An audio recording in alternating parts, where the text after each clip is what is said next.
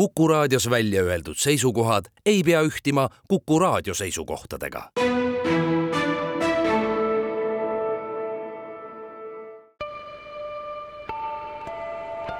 ilmaparandaja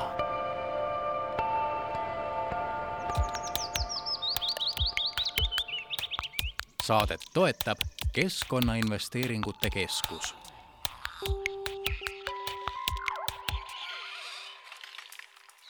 tervist, head äh, raadiokuulajad, Kuku keskkonnasaade Ilmaparandaja taas kord ähm, on alanud, täna nagu ikka tunnikese räägime keskkonnateemadel. mina olen saatejuht Rein Pärn ja juba ammu tegelikult olen tahtnud käsitleda siin saates ühte vahvat teemat, mis äh, esialgu küll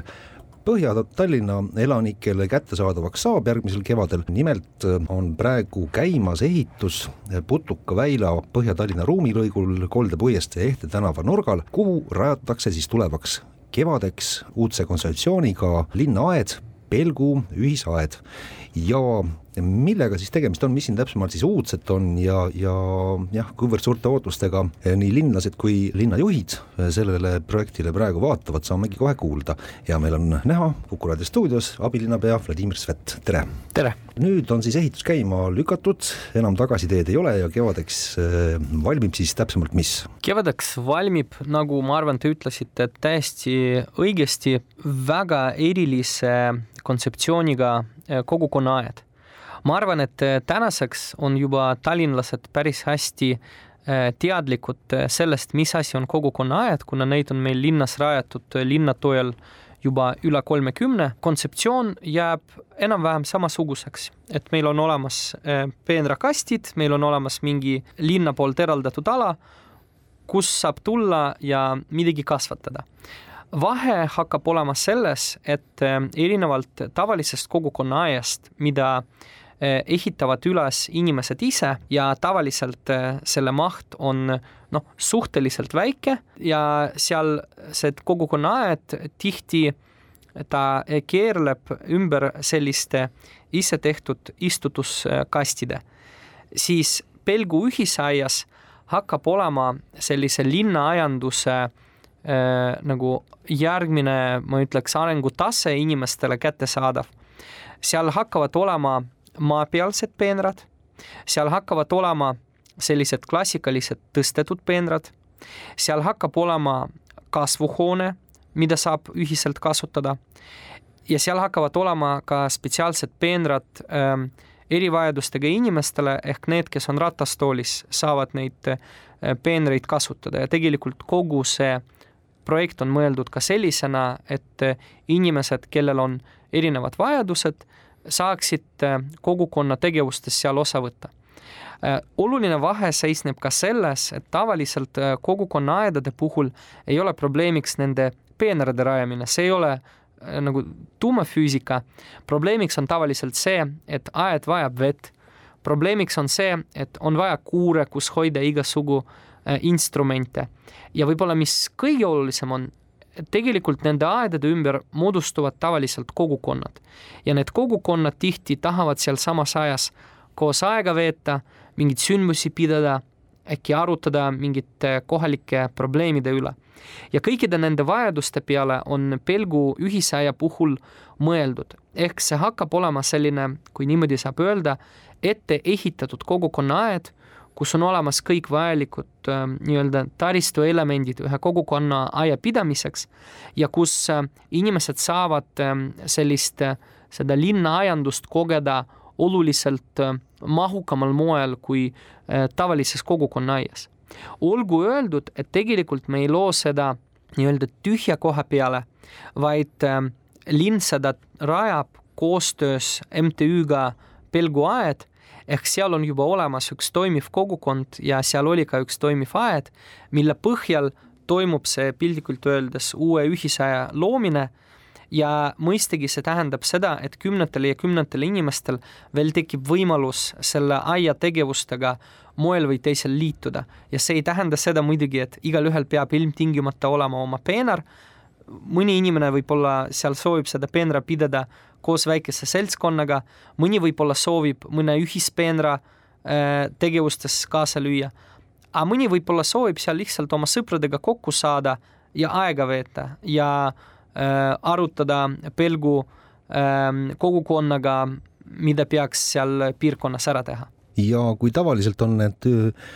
kogukonnaaiad või ühisaiad, nende suurus on seal ligikaudu seal küm-, noh, mitte päris kümme, aga no ütleme maksimaalselt sada ruutmeetrit, siis nüüd see pelguaed tuleb lausa kolme tuhande ruutmeetri suurune.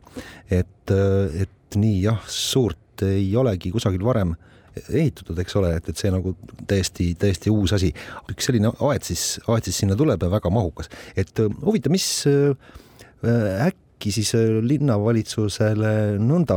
noh, nende kogukonnaaedade juures meeldima hakkas, et nii suurelt sai see kõik ette võetud ja lausa öö, äh, ligi jah, nelisada tuhat eurot ka linnapoolset toetust taha antud. Muidugi siin oluline raha minu teada tuli meile Keskkonnainvesteeringute Keskusest, aga tõesti, ma arvan, et viimaste aastatega on kogukonnaaedade tähtsus äh, nii linnaelanike kui ka linnajuhtide silmis oluliselt muutunud. ma arvan, et kui selle projektiga alustati circa viis aastat tagasi, siis mõeldi, et see on lihtsalt üks selline noh, tore omaalgatus. tänaseks me näeme, et meil on kokku üle kolmekümne kogukonnaaeda üle saja õppeaeda. Ehm, õppeaiad on siis samasugused aiad, aga nad toimivad meil erinevate koolide, lasteaedade, raamatukogude, selliste ehm, noh, konkreetsete asutuste juures. et eh, tegelikult me näeme, et praegu selle tegevusega on hõlmatud eh, tuhanded inimesed ja me ei näe, et nõudlus oleks kuidagi selle, eh, ma julgen kasutada sõna teenuse vastu langemas. ehk mina ise usun seda,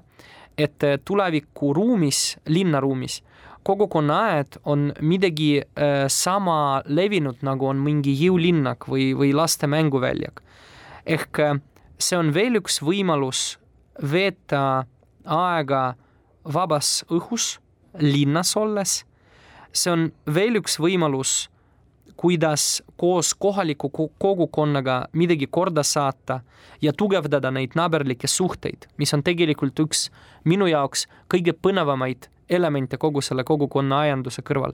aga muidugi sellel asjal on ka väga tugev keskkonnahariduslik aspekt, sest just äh, läbi äh, selle, et inimesed koos äh, asutavad aedasid, hoolitsevad nende eest nad hakkavad tegelikult mõtlema, kust tekib toit minu lauale. aga kui palju vett kulub selleks, et see porgand kasvatada?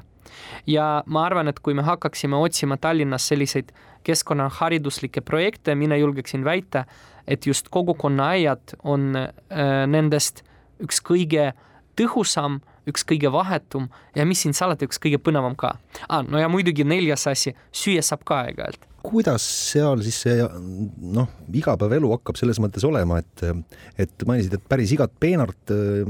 igale elanikule siin äh, rajada ei saa, kuid jah, kui noh, on, on huvi, ma ei tea, midagi sinna istutama tulla, et äh, kas siis võib kohe tulla sinna oma seemnepakikesega ja, ja hakata pihta või vaatad ise, mismoodi kõige parem oleks talitada või, või mingisugune koordineerimine, nõustamine seal kohapeal ka juba käib, et Need peenrad ise hakkavad olema eelrajatud, aga muidugi me ei hakka inimeste eest midagi sinna istutama, see juba jääb kogukonna enda teha.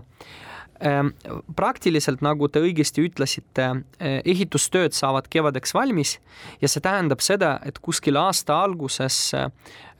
linna kogukonna aianduse projektijuhid eh, koostöös siis Pelguaia eestvedajatega kuulutavad välja kuidas siis saab nii-öelda taotleda endale sinna mingi peenar või peenra osa ja äh, selle põhjal, kui palju laekub üldse sooviavaldusi, saabki selgeks, kuidas see süsteem hakkab edasi toimima ja seda mm, nii-öelda juhtima jäävadki ühelt poolt pelguaia eestvedajad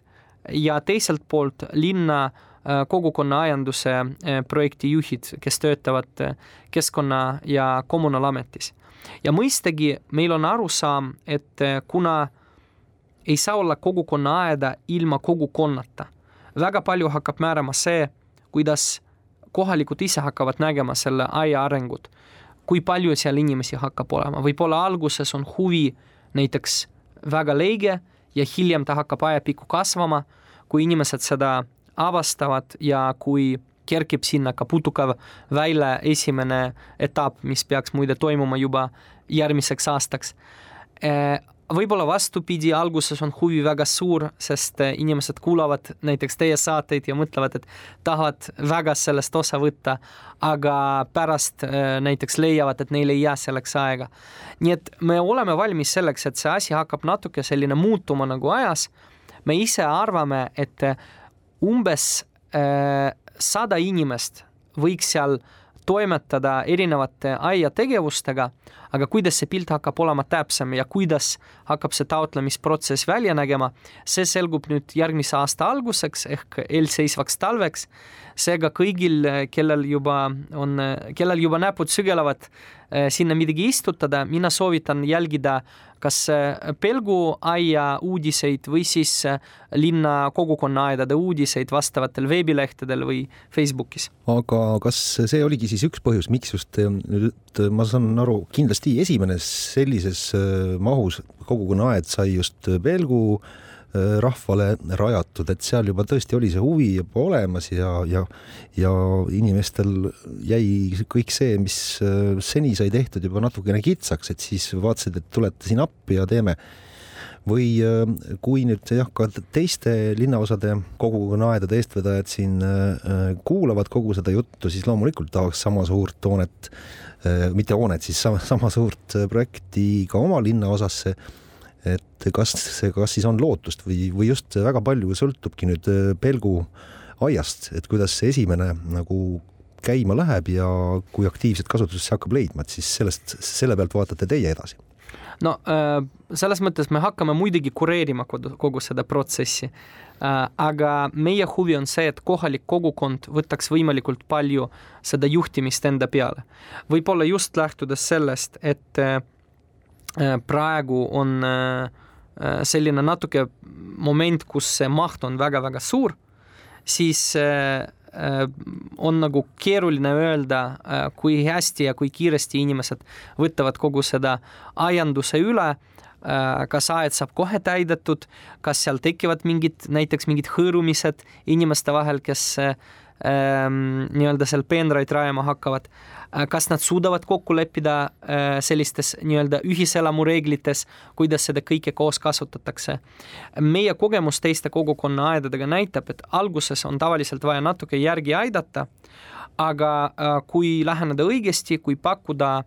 kogukonnale koolitust, siis ajapikku sirguvad kogukonnast ka nii-öelda sellised eestvedajad kes äh, on valmis inimesi äh, koondama enda ümber, kes on valmis ähm, nagu aitama kaasa selle protsessi koordineerimisega. nii et meil igal juhul on huvi, et just kohalikud seal mängiks võimalikult äh, suuremat rolli, ent siiski me oleme alati kõrval, me oleme valmis kureerima, oleme valmis aitama, kui on vaja suunama ja ma arvan, et nii nagu see areng on toimunud teistes kogukonnaaedades toimub ta kindlasti siin ka. Ilmaparandaja.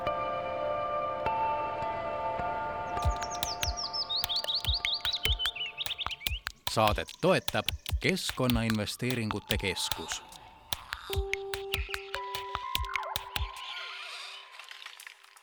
jätkame ilmaparandaja saatega. täna räägime Pelgu ühisaiast, mida hakati siis Tallinnasse Pelgulinna kolde ja ehte eh, nurga peale rajama ja mis siis eh, tulevaks kevadeks peaks hakkama kohalikke rohenäppe rõõmustama, sellepärast et seal saab siis eh,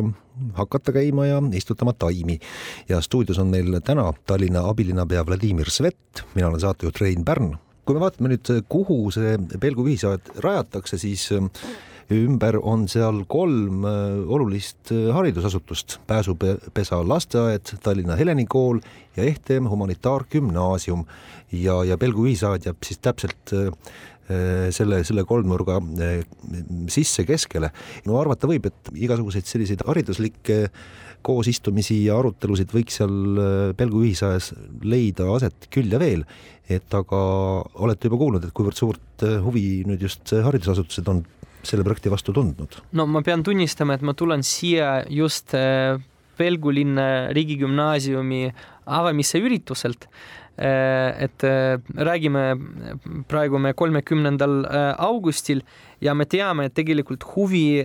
kogukonna aianduse vastu on haridusasutustes suur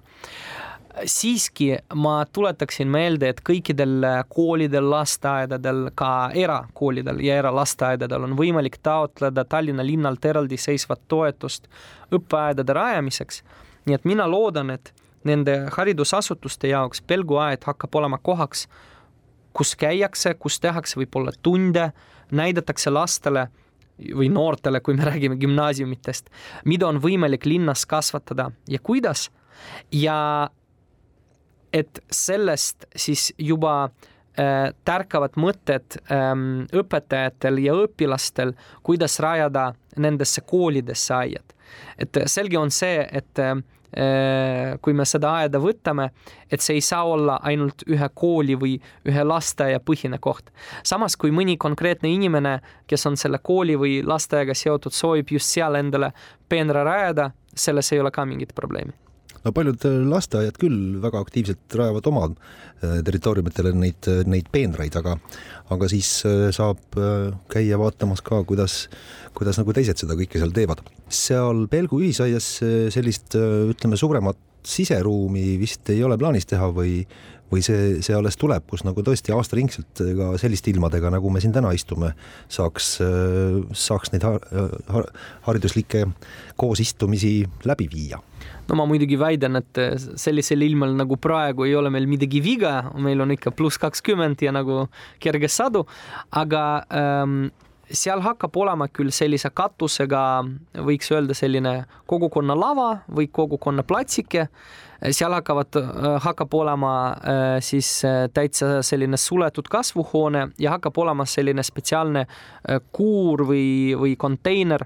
kus siis hoitakse, mm, hoitakse siis erinevad töövahendid. muidugi päris talveaeda me sinna ei raja et ähm, kui kogukond leiab võimaluse, kuidas midagi kasvatada selles kasvuhoones äh, läbi talve, ma arvan, et see oleks väga põnev. ent siiski äh, võiks öelda, et tõesti talvisel ajal äh, suures osas, suures osas see kogukonnaaeda on pidada nagu päris keeruline, kuigi ilmselt mitte võimatu ja kui jah, selline ütleme talveaed rajada, siis ilmselt kogu eelarve peaks äh, olema kaks korda suurem. et kes seda seal siis talvel kütab ja, ja jah, see hoone püstipanek on ka ikkagi äh, ajamahukas, kuid jah, alguses käis läbi nüüd see putukaväil, mis, äh, mille algusesse täpselt siis kogukonna, Pelgu, Pelgu kogukonnaaed rajatakse. et kuivõrd seotud see putukaväila rada hakkab olema selle pelguaiaga, et, et saab see olema selline miski stardipunkt, et noh, alguses saame seal kokku ja siis hakkame noh, seda putukaväila läbima ja, või siis vastupidi, et et lõpetame seal ja saab istuda korra maha ja, ja nagu vaadata, mis matka jooksul toimus? no esiteks võib-olla on vaja meelde tuletada, mis üldse loom see putukaväel siis on. et tegemist hakkab olema ilmselt linna ühe pikema circa kolmteist kilomeetrit pika sellise äh, rohekoridoriga, mis tulevikus algab Telliskivi tänava juures, äh, seal, kus on praegu äh, Kopli kaubajaam, kui osad raudteerööpad siis lähevad ära ja hakkab ta kulgema siis Piki raudteed kuni Ristiku tänavani, minema üle Ristiku tee, sinna siis tulevikus peame taastama ka silda mis ähm, oli kunagi seal raudteesillana olemas. edasi ta läheb mööda niinimetatud siis sellist kõrgepingeliinide koridori, mis äh, kulgeb äh, umbes äh, niimoodi Paavli tänavast kuni Merimetsani ja edasi läbi Merimetsa kuni Paldiski maanteeni ja Paldiski maanteest juba siis Hiiu poole mööda seda olemasolevat kergliiklusteed ja selle putukavälja läbivaks mõtteks hakkab olema see, et see hakkab olema põnev ja selline mõnus ruum mitte ainult inimestele, vaid ka igasugustele tolmeldajatele, väikestele loomadele, lindudele, et seal hakkab olema sellist äh, nagu hästi liigirikast ähm, nii-öelda linnaloodust palju. Ja äh, kui me räägime sellest samast pelguaiast, siis ta hakkabki asuma putukaväila nii-öelda esimese just etapi, noh, kelle jaoks alguses, kelle jaoks lõpus, et kes hakkab alustama teekonda Kolde puiesteelt, kes hakkab seal nagu oma teekonda lõpetama aga äh, tulevikus kindlasti pelguaed äh, hakkab olema putukavälja äh, südameks ja putukaväila projekt on tegelikult just mõeldud arvestama sellesama kogukonna aiaga. Nii et kõik need teed, mis hakkavad olema välja ehitatud putukaväila raames, nad hakkavad viima ka selle pelgu ühisaiani ja nii mõlemad putukaväil kui ka siis Pelgu ühisaed peaks enam-vähem ühel ajal vist ka valmis saama. ehk siis järgmisel aastal kevadel või? no siiski kevadest me putukaväila puhul ei räägi, me loodame, et meil õnnestub alustada esimeste ettevalmistavate ehitustöödega veel tänavu sügisel kui me räägime erinevatest trassidest, mis on vajalik seal ümber tõsta ja reaalne rajamine siis toimub järgmisel kevadel ja suve esimeses pooles. see on selline optimistlik stsenaarium, mida ma praegu kirjeldan, aga ma väga loodan, et järgmise kuskil suve teises pooles me saame Putukaväila äh, Kolde Pavli vahelist etappi ka siis äh, juba avada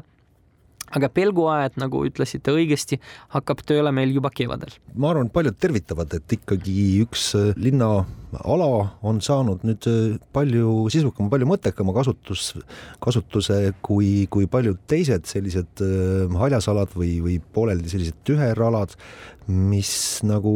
keegi nagu seal ei käi eriti, keegi seda eriti ei kasuta ka,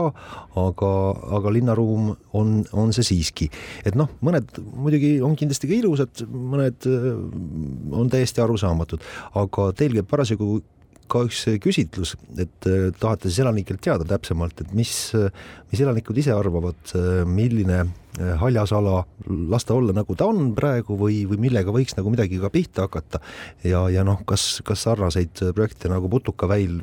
või, või ühisaed sinna rajada. et rääkige, mida te elanikelt täpselt teada tahate ja üldse, milline see hoiak praegu noh, erinevate selliste haljas, tühjalt seisvate haljasaladega linnal on? no ilmselt juba praegusel ajal on nagu raske meenutada, aga meil see kevad ja suve algus oli väga-väga ähm, kuiv ja linnal oli väga palju alasid, mis olid selgelt nii-öelda kõrbenud. seetõttu me äh, suve esimeses pooles üpris äh, drastiliselt äh, tõmbasime koomale esialgu ajutiselt niitmise mahte praegu oleme neid äh, järk-järgult taastanud, siiski püües ohjeldada sellist massilist niitmist. loogika on siin tegelikult väga lihtne. me teame, et ähm, äh, kõrgemas murus ähm, nagu kasvab ka äh, muid liike, taimeliike, need taimeliigid on olulised putukatele, lindudele, loomadele ja äh, me teame seda, et äh, tegelikult linlased on päris pikalt äh, meile teada andnud, et nende arvates linn pingutab niitmisuga üle. nüüd võib-olla see, selle suve lahendus oli natuke meile peale sunnitud äh, ilmastikutingimustest lähtuvalt, ent siiski me praegu nägime, äh, kuidas tegelikult meie haljasalad võiksid välja näha, kui me äh, niidame oluliselt vähem on keegi, kellele see meeldis, kellelegi ei meeldinud, mis on täiesti normaalne, seetõttu, et ähm, neid haljasalasid on erinevaid. ja praegu kesklinnas me viime läbi sellist äh, pilootprojekti, mille raames kesklinna elanikud võivad äh, siis markeerida spetsiaalses rakenduses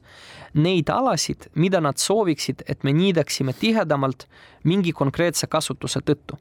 meie põhimõte on selline, et me peaksime intensiivsemalt tulevikus niitma just neid alasid, kus inimesed, ma ei tea, jalutavad rohkem, käivad oma koertega, teevad sporti, teevad joogat, käivad päevitamas ja nii edasi. paraku eksisteerib äh, üks väga tugev müüt,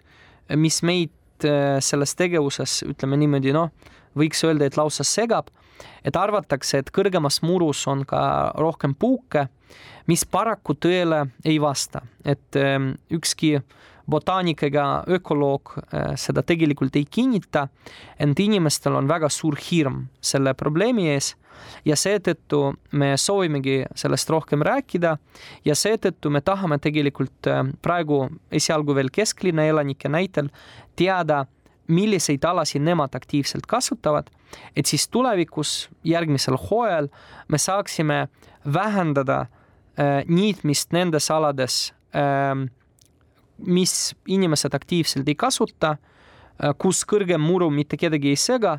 aga seal, kus inimesed on harjunud, ma ei tea, seltskonnaga jalkat mängima või kus on harjutud äh, koertega äh, jalutama või mingit äh, Äh, koera õppetundi tegema, et seal siis äh, muru oleks paremini hooldatud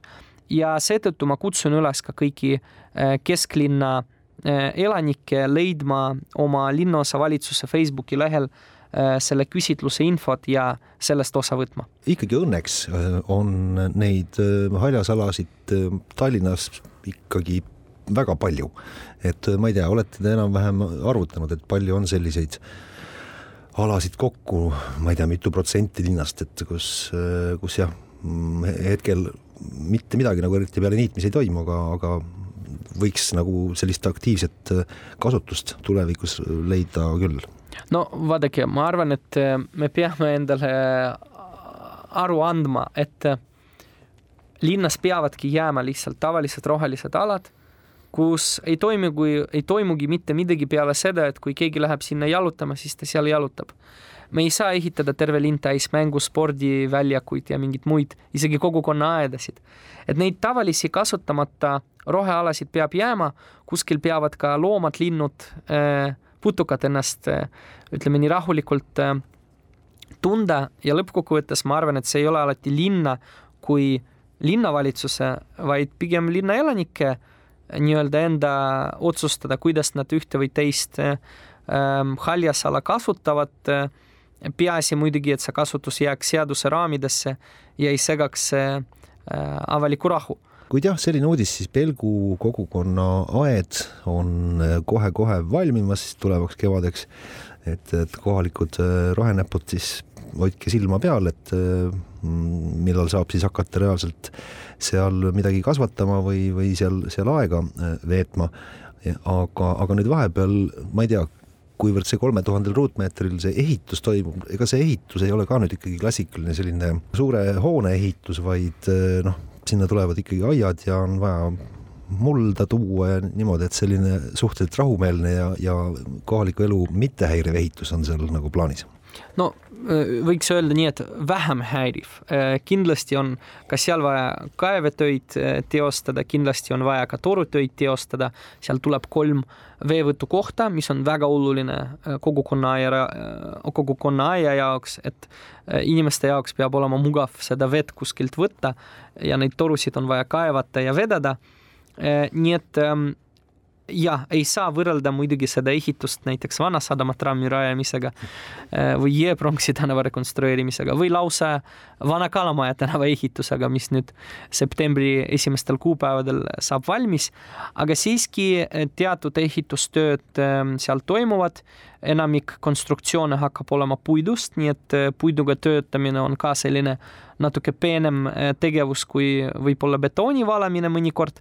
Äh, seega me tegelikult hoiame oma ehitajale ja muidugi ehitusjärelevalvele pöialt ja loodame, et kõik saab projekti alusel ehitatud ja ka tähtaegselt samamoodi ja see ehitus ei ole niivõrd kiireloomuline kui siin mõni tee-ehitusprojekt, et tõesti siin on vaja ööd ja päevad teha, et saaks äh, nüüd, ma ei tea, kas kooli alguseks muidugi kõike siin jõuab, aga noh, vähemalt selle sügise jooksul valmis kuid äh, no igal juhul soovin jõudu äh, selle, selle kogukonna aia Pelgu linna rajamisel ja, ja väga suure huviga siis ootame, et mis sellest kõigest äh, kevadel välja tuleb. aitäh stuudiosse tulemast, abilinnapea Vladimir Svet jõudu tööle! Aitäh, jõudu tarvis ja kohtume siis Pelgu aias! ilmaparandaja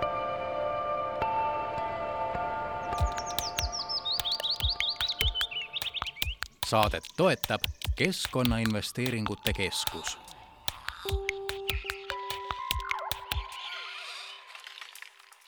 Tänast ilmaparandaja saadet jääb lõpetama Tartu Ülikooli Loodusmuuseumi ja botaanikaaia eestvedamisel valminud rubriik nimega Rukkirääk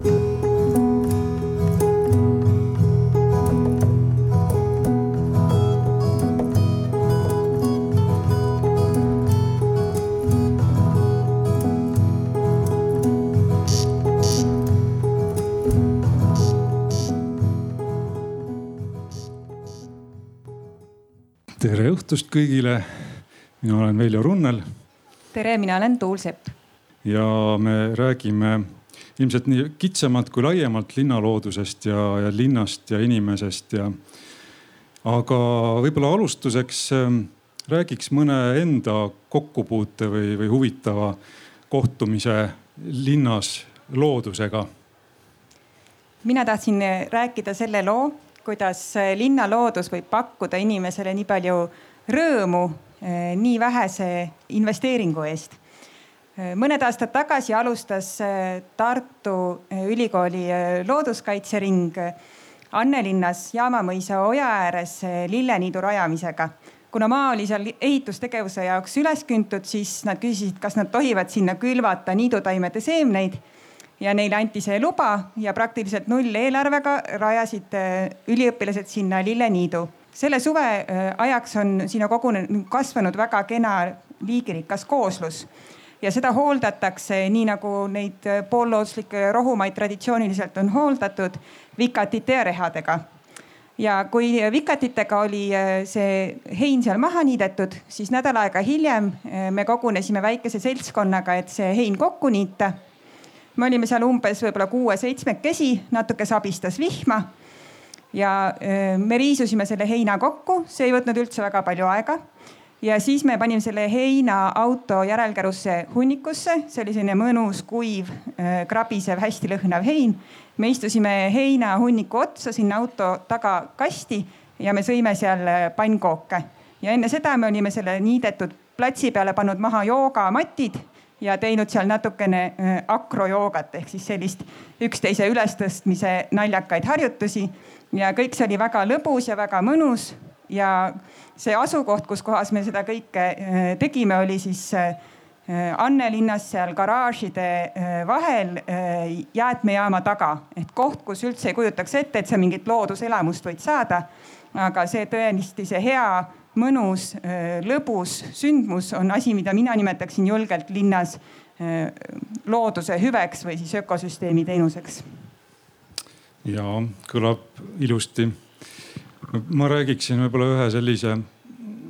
loomaga kohtumise, kuigi jah, neid loomaga kohtumisi on Tartus olnud nii palju, et ma usun, et kõigil siin viibijatest on endal mõni vaimustav kohtumine ka kindlasti rääkida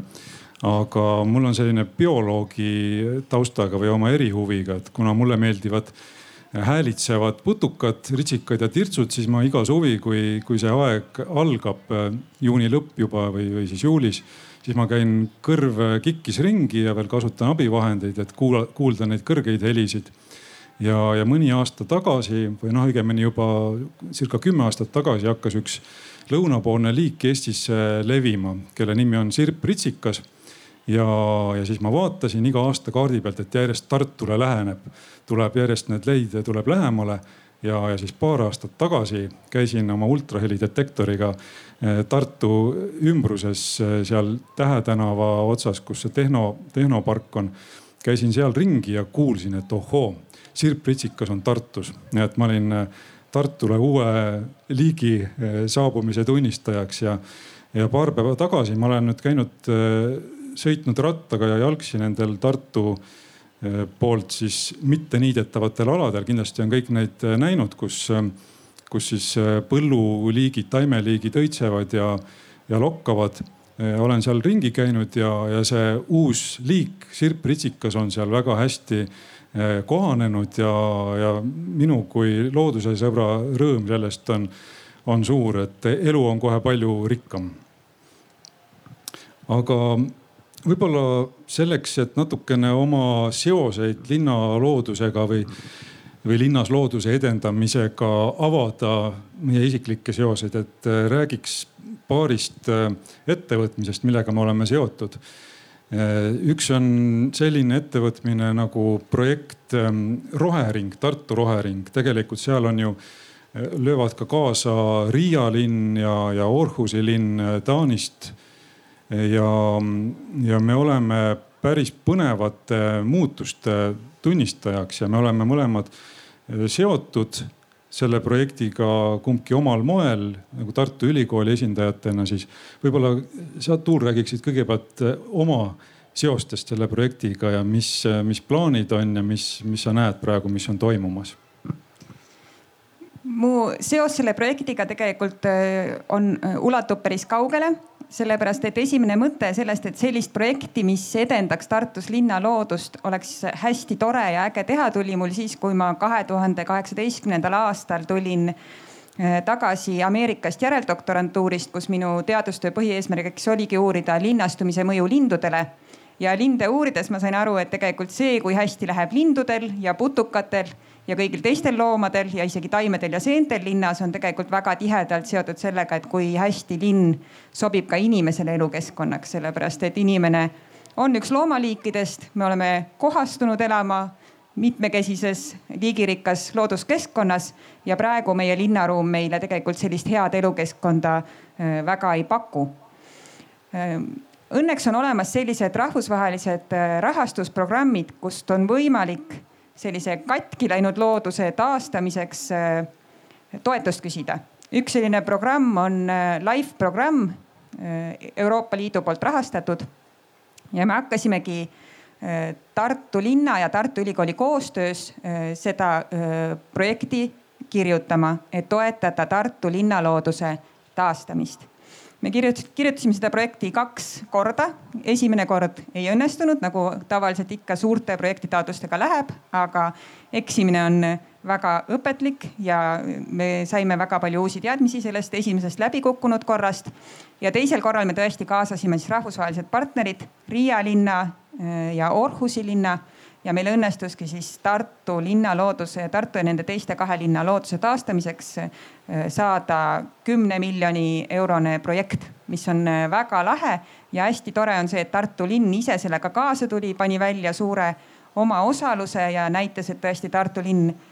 hoolib äh, linna loodusest ja tahab, tahab ka ülikooliga koostööd teha. Ja nüüd see, mis siin linnas toimuma hakkab, selle, seda me alles nüüd hakkame nägema, sellepärast et projekt algas alles eelmise aasta lõpus keset talve ja see suvi on siis esimene projekti suvi ja esimesed asjad, mida me näeme, ongi siis see, et mõnedel linna rohealadel, isegi päris paljudel linna rohealadel on niitmiskoormus vähenenud. aga järgmise sammuna näevad supilinlased seda, et supilinna tiigi taastamine saab nüüd tänu sellele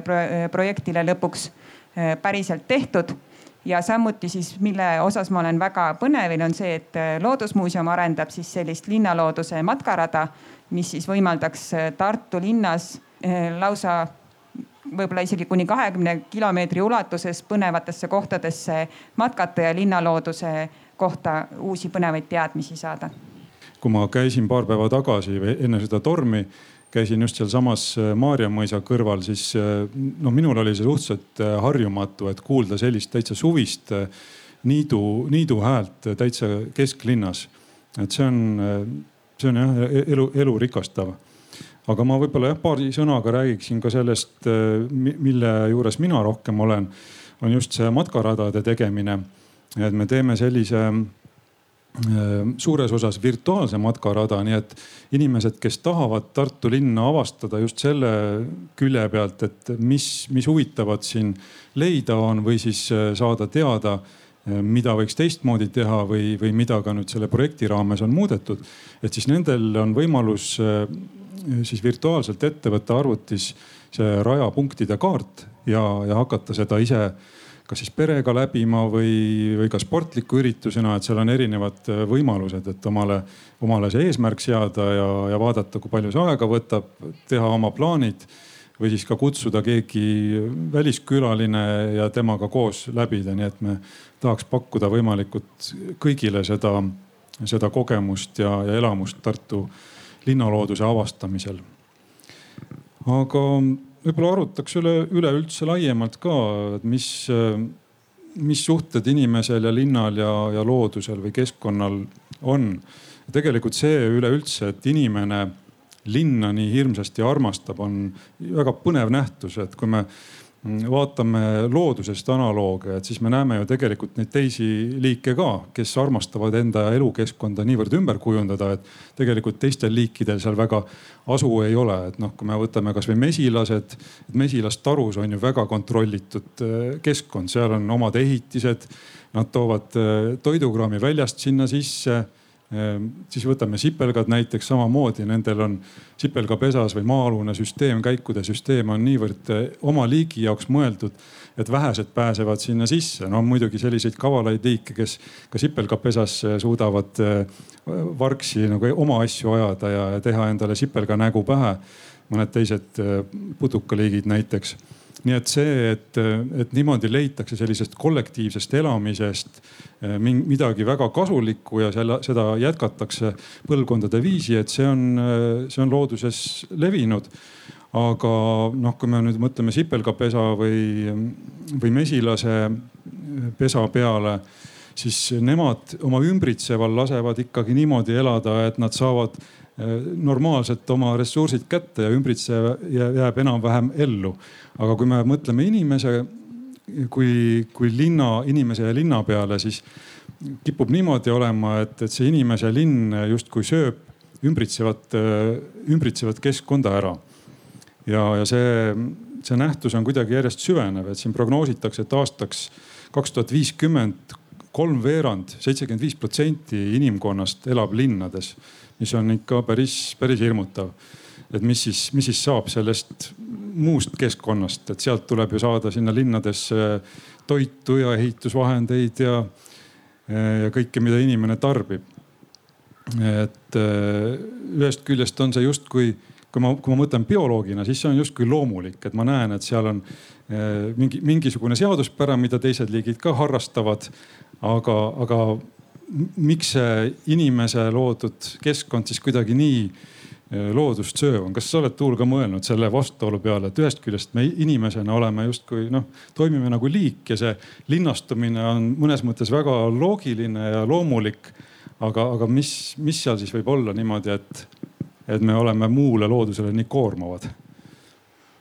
Jah, see sipelgate paralleel on, on tegelikult päris hea ja, ja võib-olla teine selline loodust ümberkujundav liik on kobras, et ta ka muudab seda keskkonda niimoodi, et talle oleks hea ja väga võib-olla seda, seda ei mõtle, et mis teised liigid sellest arvavad.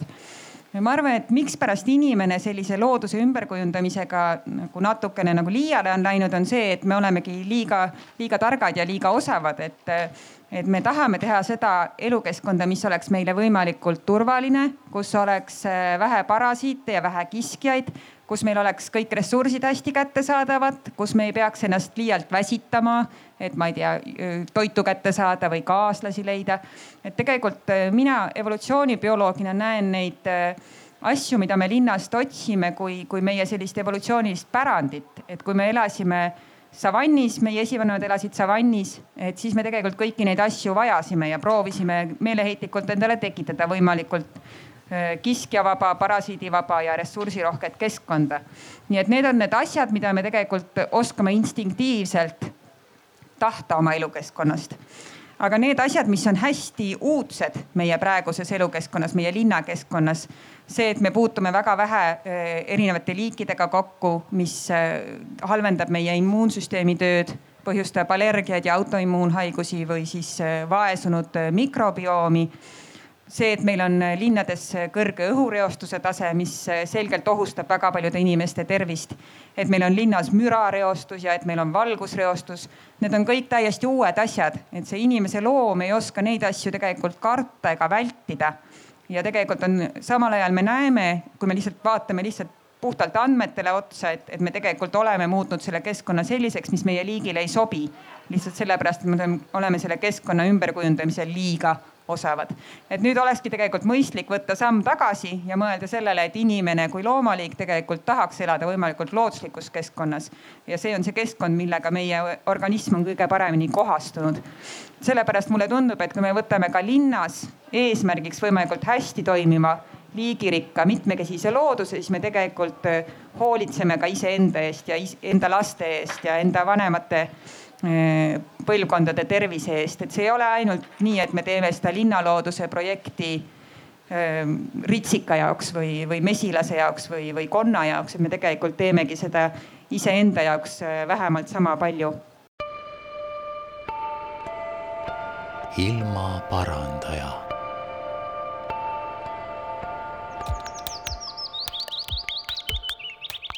saadet toetab Keskkonnainvesteeringute Keskus